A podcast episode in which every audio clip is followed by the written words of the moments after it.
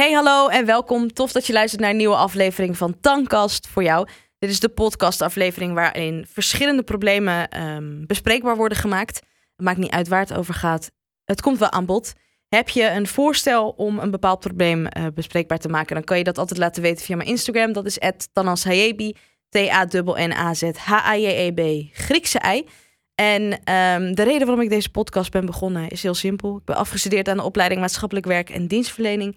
En ik ben van mening dat je via een podcast ook um, het woord kan verspreiden voor de mensen die het misschien moeilijk vinden om uh, bij een echte professional aan te kloppen.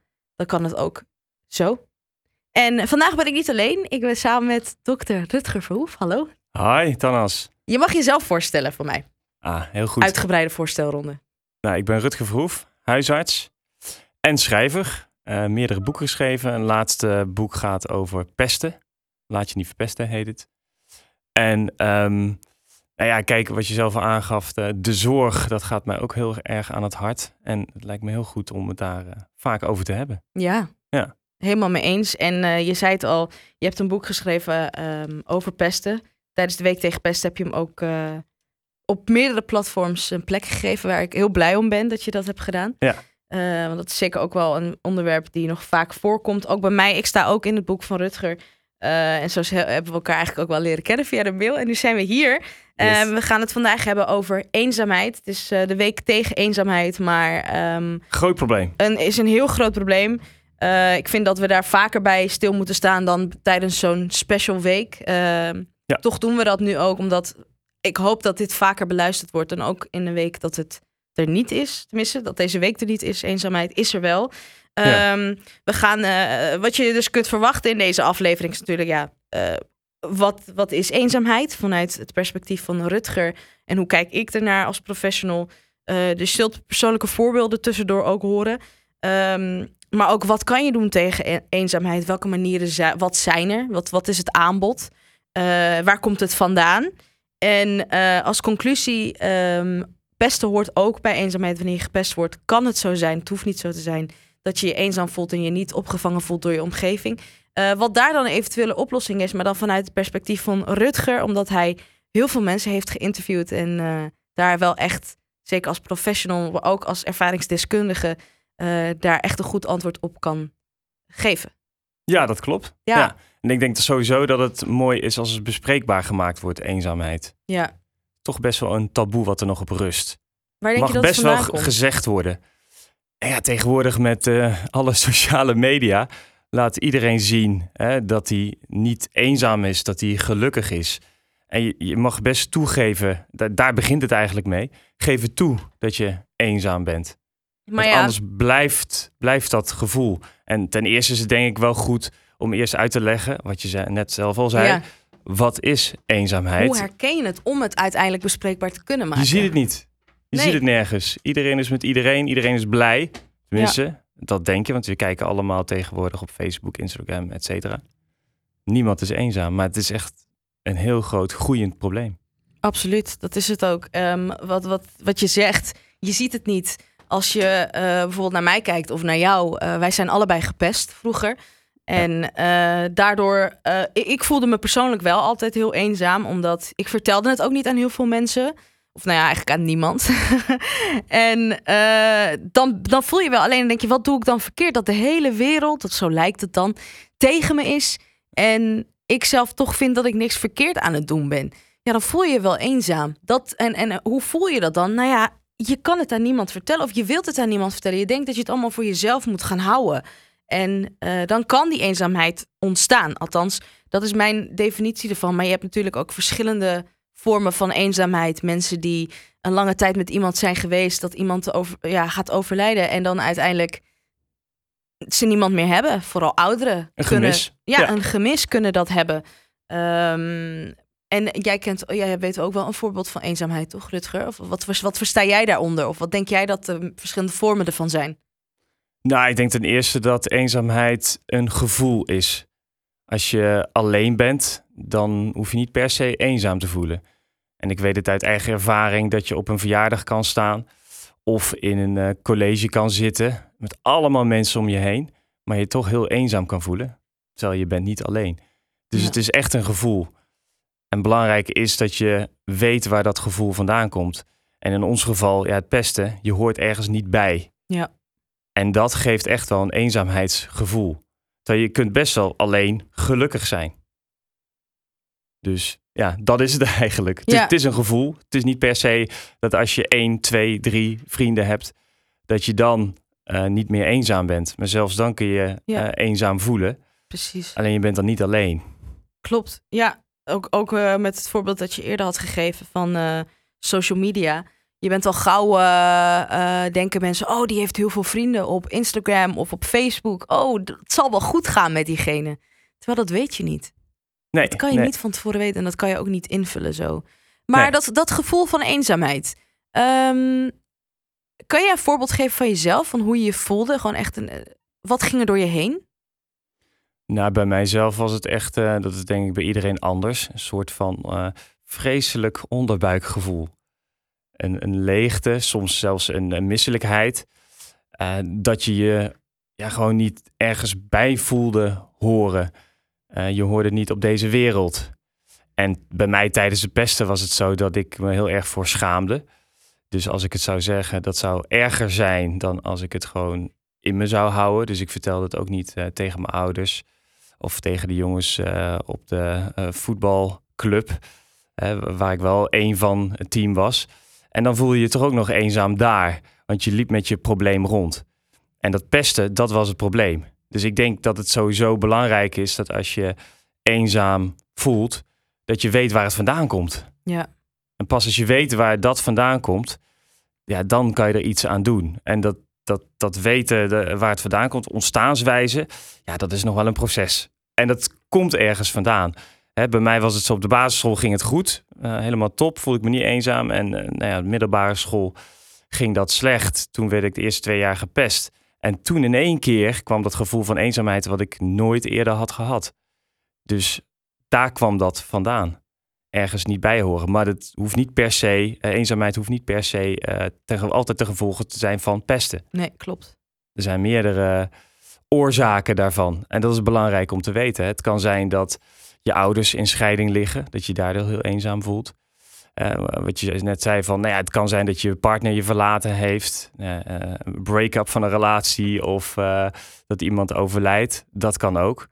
Maar het kan ook een gevoel zijn dat je anders bent dan anderen. Dat je denkt, goh, ik acteer heel anders, ik gedraag me heel anders dan de mensen om me heen op een bepaalde situatie. Hoe komt dat? En dan is het wel heel fijn om te weten dat dat zo is. En dat die eenzaamheid daar vandaan komt. Want dan kan je daar eventueel aan gaan werken. Ja, dat is absoluut zo. En, en hoe je het vertelt, het lijkt het alsof het heel makkelijk is om erachter te komen eh, waar dat vandaan komt. Maar dat heeft ook een heel proces. Eh, eerder in deze podcastaflevering ehm, is er al een episode gekomen van wat is het probleem? Hoe kom je erachter wat het daadwerkelijke probleem is? Eh, wanneer er een gevoel bij je op kunt spelen. Die aflevering raad ik je ook aan voor als je het moeilijk vindt om erachter te komen hoe je jezelf voelt. Dan kan die aflevering je daar en- ontzettend bij helpen. Maar als je inmiddels wel weet van oké, ik voel me toch wel echt eenzaam. Ik weet zeker dat het eenzaamheid is. Dan ehm, hebben wij, eh, Rutger en ik, eh, ook een, een aantal manieren gevonden om te kijken hoe kan je dan iets doen aan die eenzaamheid. Ja, klopt. Ja. Ehm, Zal ik beginnen? Of? Ja, voor mij mag jij beginnen. Ja. Zeker, ga je gang. Nou, vanuit eh, maatschappelijk werk gezien, ehm, als wij signaleren dat iemand eenzaam is, dan eh, gaan we als eerst met diegene daarover in gesprek. Dus we weten, dit is het. Dit is eenzaamheid. En de eerste methode die dan het beste past bij die persoon, noemen we ook wel de sociaal netwerkmethode. Nou, wat is dat dan? Heel simpel. Kijken wie zit er in je kring. Wie vertrouw je? En dat is echt volledig aan jou. Jij kan zelf het beste weten en voelen wie diegene is waar jij je het meest bij op je gemak voelt. En nogmaals, sociaal netwerkmethode richt zich dan niet op die duizend Facebook vrienden of duizend Instagram vrienden, maar juist die mensen waarvan jij denkt, hey, bij die heb ik ooit verteld dat ik me niet goed voel. Of bij die ander heb ik mijn hart mogen luchten, heb ik een keer kunnen doen. Zou ik dat nog een keer kunnen doen? Dat zijn de vragen die je zelf moet eh, stellen. Wie is de persoon bij wie je hart echt kunt luchten zonder dat iemand zegt, ja, ik heb hier eigenlijk, geen tijd voor. Weet je, dat, dat kan je het zelf, de beste zelf ehm eh, erachter komen. Waar voel je veilig bij? Ja, waar voel je je veilig bij? Kortom, is, is dat het. Eh, en als je er dan achter komt dat dat niet het geval is, dat, dat, dat daar niemand eh, bij dat plaatje past, dan zou je eventueel ehm, er anders bij kunnen denken. Rutger, ik, ik denk dat jij een heel goed voorbeeld daarvoor weet. Ja, zeker. En ik denk ten eerste ook dat als je, eh nou ja, het gevoel van veiligheid moet je echt hebben als je je hart lucht bij iemand. Ja, En je mag het best een paar keer proberen. Hè, er mogen best een paar pogingen overheen gaan. Dus eh, ga niet bij de eerste poging bij de pakken neerzitten. absoluut. Maar eh, als dat niet bij je, eh, je ouders kan, of bij waarvan je denkt je beste vriend, vriendin, je buurvrouw of iets dergelijks, ga dan gewoon naar de volgende. En denk niet meteen van hé, diegene mag mij niet of Ja. geeft me nog meer het gevoel. Nee, het kan zijn dat diegene ook in een situatie zit waarbij hij zich niet lekker voelt. Dus je mag het best een paar keer proberen bij mensen. En ga er niet vanuit dat het aan jou ligt. Dus dat is ook wel belangrijk om te weten. Ja. En eh, lukt dat niet, eh, krijg je dat gevoel niet bij mensen, die veiligheid om je eenzaamheid te delen. Ja, dan kom bij mij, zou ik zeggen. Maar ik bedoel, meer kom, eh, ga naar de huisarts. Wij zijn echt heel laagdrempelig. Je mag altijd komen. Het wordt vergoed door de verzekeraar. Dus daar hoef je ook niet over in te zitten. Eh, plus we hebben ook nog beroepsgeheim. Dus stel dat je iets over je ouders kwijt wil en je ouders zitten ook in die praktijk, dan mag zo'n huisarts dat nooit eh, loslaten eh, als je ouders op, op, op spreekuur komen. Dus het is echt heel erg veilig om het te delen met met je huisarts. En daar geef ik ook nog bij aan, ja, ik ben dan mogelijk een wat jongere huisarts. Eh, kun je je fijn bij voelen, maar ga wel naar de huisarts waar je je fijn bij voelt. Ge- geef het wel de kans, de eerste twee keer in gesprek. Als het dan niet veilig voelt, mag je altijd overstappen naar een andere huisarts. Die, is er ook. Dus ja, dat is wel een, een goede optie. Absoluut, dat is een goede optie. En een huisarts kan dan vervolgens ook nog kijken bij wie kan je nog meer terecht, wie zijn er nog meer. Ehm, maar als je dat, als je dat al eh, te heftig vindt, ik kan, ik kan wel eerlijk toegeven, ik snap dat de drempel naar een psycholoog hoger is dan, eh, dan bij een, een maatschappelijk werker. Dat is toch wel iets laagdrempeliger. Het moet allemaal niet. Je wordt niet gestalkt met duizend berichten. Dat je nou, waar blijf je nou? Dus dat zou eventueel ook nog kunnen. Eh, en dat wordt ook vergoed. Ehm, en wil ik ook nog eh, aansluiten bij wat Rutger net heeft gezegd over de personen wel, die je wel in je omgeving hebt. Inderdaad, geef niet op. Probeer het desnoods een paar keer. En geef de mensen die je normaal geen kans zou geven ook een kans. Want eh, dan haal ik mijn eigen ervaring erbij. Toen ik in een burn-out terecht kwam vorig jaar, ehm, had ik één collega eh, die destijds bij een drogisterij, waar ik toen mee samenwerkte. We waren wel oké met elkaar. We waren ook niet zo close, niet per se. Maar zij was wel ehm, de eerste persoon die na lange tijd zei: hey, we hebben elkaar lang niet meer gezien. Je werkt niet meer bij deze drogisterij. Zullen we afspreken? Dat ik zei: Ja, maar ik voel me eigenlijk niet zo goed. En toen zei ze: Maar hoe komt dat dan? Wat is er dan? En dat ze echt me opbelde en zei: Vertel.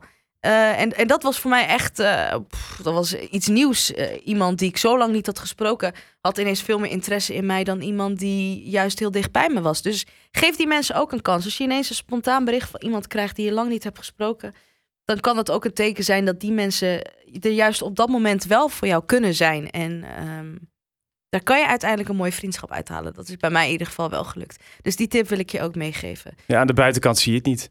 Ja, Dat is het. dat je is ziet het het niet aan ja. mensen waar mensen ook mee rondlopen. En twee eenzame zielen kunnen elkaar ook heel goed vinden. Dat is zeker waar. Ja. Dat is ook het geval, absoluut. Maar er zijn nog meer methodes eh, die je individueel ook eh, zou kunnen toepassen bij jezelf. Ehm, ik heb er drie meegenomen waarvan ik denk, die zijn wel wat, wat meegenomen. Omdat ik nu op een andere locatie ben dan op mijn slaapkamer, zeg ik meegenomen. Ja, Weet je dat ook weer? Daar wordt deze podcast normaal gesproken opgenomen, maar nu in een normale studio, niet in een pyjama. Ehm, en dat zijn, dus, dat zijn er dus drie. En eentje heet de ontladingsmethode, de andere de expressiemethode. Eh, en de derde methode ehm, is wel een methode die je beter bij een professional kunt doen, omdat die je daarin kan sturen. Dus die twee zijn wel het beste. En de ontladingsmethode, ehm, dat is, die, die voldoet eigenlijk aan zijn woord, aan, aan de term ontladen. Ga kijken hoe jij jezelf kunt ontladen. Wat voel je? Ga je weer terugkijken naar, naar je gevoel. Oké, je weet dat je eenzaam bent. Wat komt er bij die eenzaamheid eh, bij je op? Wat komt er in je op? Ben je boos? Ben je verdrietig? Ben je moe? Wat is het nou? En dat mag je uiten. Als jij zin hebt om te gaan schreeuwen, dan doe je dat. Dan ga je er gewoon voor.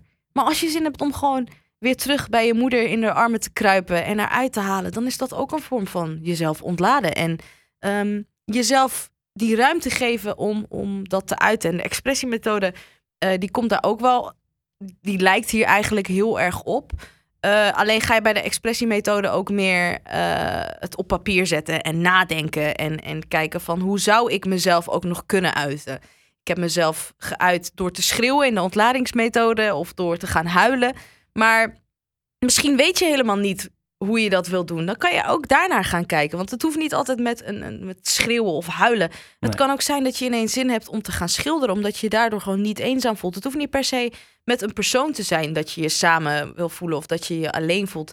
Je kan je ook. Ja, ik heb een vogel thuis. Als, als hij er is, voel ik me niet alleen. Mhm. Weet je, dus je kan gaan kijken naar de opties die je hebt. Het hoeven niet alleen mensen te zijn. Het kan ook een hobby zijn die uiteindelijk kan helpen om alvast een beter humeur ervan te krijgen. Omdat je het zo leuk vindt om te doen. En uiteindelijk kan dat zich weer uiten in: oké, ik heb dit gehad, dit heeft gewerkt. Volgende stap is dan misschien toch met een persoon proberen. Dus is heel erg kijken van waar ben je aan toe. Als het, als het meteen niet al via bijvoorbeeld sociaal netwerkmethode kan, dat je denkt, nou, persoon aanspreken vind ik toch lastig. Ga dan eerst even zitten voor jezelf. Nadenken voor jezelf kijken waar voel ik me goed bij. Ja. Wil ik het wel uiten bij iemand? Daar kan je ook natuurlijk eerst naar kijken. En da daar helpen deze methodes je heel erg bij. En het liefst zou ik wel zeggen, ja, dan moet je deze stappen volgen. Maar dat is niet zo. Dat is echt aan jezelf. Het is vooral luister naar je gevoel en wees niet bang om daarvoor te luisteren. Als jij een bepaald gevoel hebt waarvan je denkt, oh, dit heb ik echt nog nooit eerder gevoeld. Dit heeft niemand anders. Het is niet erg. Want jij bent ook een persoon die ervoor kan zorgen dat een ander dit gevoel misschien ook ontdekt. Mhm misschien ontstaat er wel iets nieuws uit. We blijven leven, iedere dag is een nieuwe dag. En iedere dag kan je weer iets nieuws ontdekken, ook bij jezelf. Ja, probeer dingen wat je zelf net aangeeft. Ja, Ja. absoluut. Ja. Ehm, Ja, kijk, ik denk dat het sowieso eh, belangrijk is dat je gaat kijken eh, waar, hè, wat je eh, net zei van, goh, dat, dat eenzaamheidsgevoel, wat is het? Maar ook, waar komt het vandaan uiteindelijk? Er is altijd wel een moment geweest in je leven dat je je dan niet eenzaam voelde. En wat was er op dat moment eh, nou, dat je niet eenzaam voelde? Wat, Ja. wat veroorzaakte dat je toen eh, dat gevoel niet had? En dat is ook wel iets wat je kan gebruiken. En je kunt op jouw methode zoeken naar de ontstaanswijze ervan. Je kunt het ook eh, door middel van hulpverleners gaan doen. En als je weet wie of wat dat gevoel veroorzaakt, dan kun je er iets mee gaan doen. En zijn het bijvoorbeeld je ouders die in scheiding liggen, dan zou je eventueel dus ook weer via de huisarts een driegesprek kunnen houden. Eh, alleen als jij je daar natuurlijk veilig bij voelt. Ehm, is het door pesten, dan zou je dat kunnen aanpakken op die manier. En zijn er andere oorzaken? Er is altijd wel een soort van aanpak. Waardoor je nou ja, dat gevoel in ieder geval weet te definiëren voor jezelf. absoluut. En daarna eraan kan gaan werken. Ja. Ja, dat is inderdaad ook een hele goede. Wat, waar komt het vandaan? Dan kan je inderdaad checken met...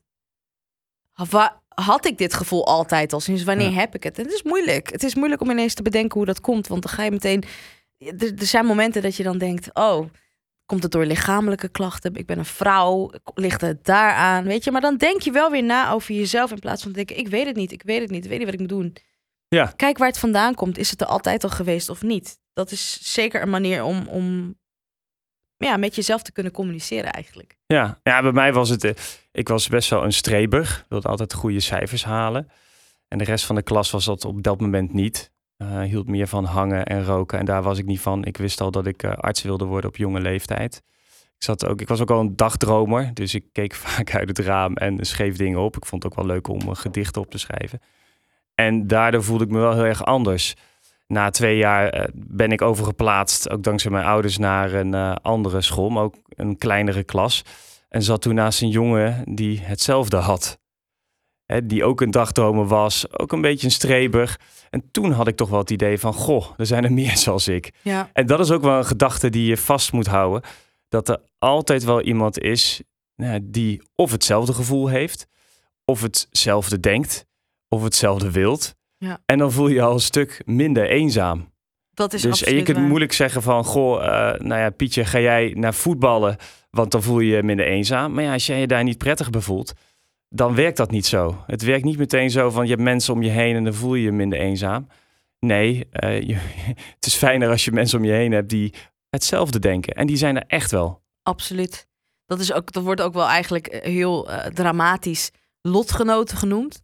Maar Ja. Het, het opzoeken van lotgenoten kan ook werken. Eh, het is maar net of je het initiatief wil nemen daarvoor of niet. Het is, ook, het is ook moeilijk om je zo meteen open te stellen. Maar dat zou een volgende stap ook kunnen zijn. Van hey, ik ga gewoon op een forum. Ik ga zeggen hoe ik me voel. Zijn er andere mensen die zich zo voelen? Ja, Weet ja je, dat klopt. kan ook op die manier. Dan, dan connect je weer met iemand. Of eh, je hebt zoveel Facebookgroepen tegenwoordig waar je anoniem een, eh, via een beheerder een bericht kan plaatsen met ik heb deze situatie, ik voel me zo, zo, zo, zo. Is er iemand die dit ook voelt? Ik hoef, niet, eh, ik hoef geen advies. Ik wil gewoon iemand waar ik mee kan sparren hierover. Je kan zoveel uit elkaar halen. Je kunt elkaar zo erg inspireren. En wat Rutger net zei, je kunt je identificeren met iemand. Je hebt eigenlijk het idee dat je er niet alleen voor staat of de enige bent die dit voelt. Ja. Ja, lotgenoten, dat klinkt inderdaad zo suf meteen. Ja, Maar ik denk wel dat het kan helpen. En het is ook natuurlijk gek dat, of misschien ook wel niet, dat via Facebook of Insta, eh, dat er geen eenzaamheidsgroepen zijn. Hè? Want Ja. dat, dat klinkt ook niet heel erg stoer of hip. Maar ja, zoiets zou wel kunnen helpen. Al, hè, want er zijn gewoon veel meer mensen, ik denk misschien wel het grootste eh, gedeelte eh, van de bevolking in Nederland, die zich eh, wel eens of vaak eenzaam voelt. Alleen dat zien we niet. Nee. En als je toch zoiets start, denk ik, ja, aan het begin, maar je moet het misschien wat hipper brengen of iets dergelijks en wat, wat leuker maken. En nou ja, dan voel je je meteen wat, wat minder eenzaam als bijvoorbeeld zo'n Instagram-groep eh, 100.000 volgers heeft. En Mhm. dan, hè, dan is het makkelijker om daarbij aan te sluiten. Ja. Maar eh, klinkt minder suf dan lotgenoten. Ja, dat Ja. is ook zo. Ja, het is ook eh, hoe het aantrekkelijk wordt gemaakt en wie die stap durft te zetten om het aantrekkelijk te maken. Sowieso, eh, als ik namens Rutger ook mag spreken, hopen we dat je hier ook weer wat, wat, wat aan kunt hebben uiteindelijk. Dat het je aan het denken heeft gezet. En wat ook heel belangrijk is om te weten, is ondanks alles wat je nu hebt gehoord, ben je ook gewoon een heel erg uniek persoon en onthoud dat gewoon. Want dat is ook belangrijk om te weten. ehm, desondanks hoe je je voelt, dat je wel er mag zijn. Ja, Ehm, klopt. Dat. En eh, zoals beloofd eh, ben ik natuurlijk ook benieuwd naar Rutgers uiteindelijke ervaring. Zeg maar met alle mensen die je hebt geïnterviewd. Hoeveel waren het er in totaal? Een stuk of veertig. 40 mensen. Ja, Ja, dat Ja, is zo veel. ontzettend veel. Als je, ja, ik, ik weet dat het moeilijk is om daar één conclusie uit te trekken. Maar wat, wat, wat eh, heb je daarvan geleerd? Wat was toch wel iets waarvan je dacht... Oké, dit zou eventueel... Dit is een overeenkomst die ik bij veel mensen heb gezien... die ik heb geïnterviewd. Dit zou eventueel een eh, oplossing kunnen zijn tegen eenzaamheid. Ja, is misschien niet zo heel moeilijk om te doen, maar schreeuw het van de daken dat je eenzaam bent. En dat moet denk ik wel vaker gebeuren, dat mensen dat, dat weten. En eh, ja, wat ik zag, nou ik spreek dan uit eigen ervaring, dat ik in het eerste jaar van geneeskunde voelde me ontiegelijk eenzaam, omdat je weer opnieuw vrienden moest maken. En dat eh, had ik niet ge- geleerd. En eh één jongen, ik weet het bij mij nog, Koen, ja, die, daar raakte bevriend mee. Maar ik voelde me toch altijd anders, omdat ik mijn pestverleden nog steeds meenam. En op een avond besprak ik dat met hem en dat eenzaamheidsgevoel. En hij gaf aan dat hij dat eh, ook had. Hij was niet gepest, maar wel omdat zijn, ja, met zijn ouders ging het niet altijd even goed. Dat hij wel altijd dat eenzaamheidsgevoel bij zich droeg. En toen wij dat samen bespraken, toen werd het in één keer niet zo'n hele zware last. En dat was wel heel fijn om te voelen. En dan merk je meteen van, ja, goh, het is eigenlijk helemaal niet zo erg op dat moment om dat te benoemen, dat je eenzaam bent. Het is wel erg dat je dat zo voelt, maar het is niet erg om dat te benoemen.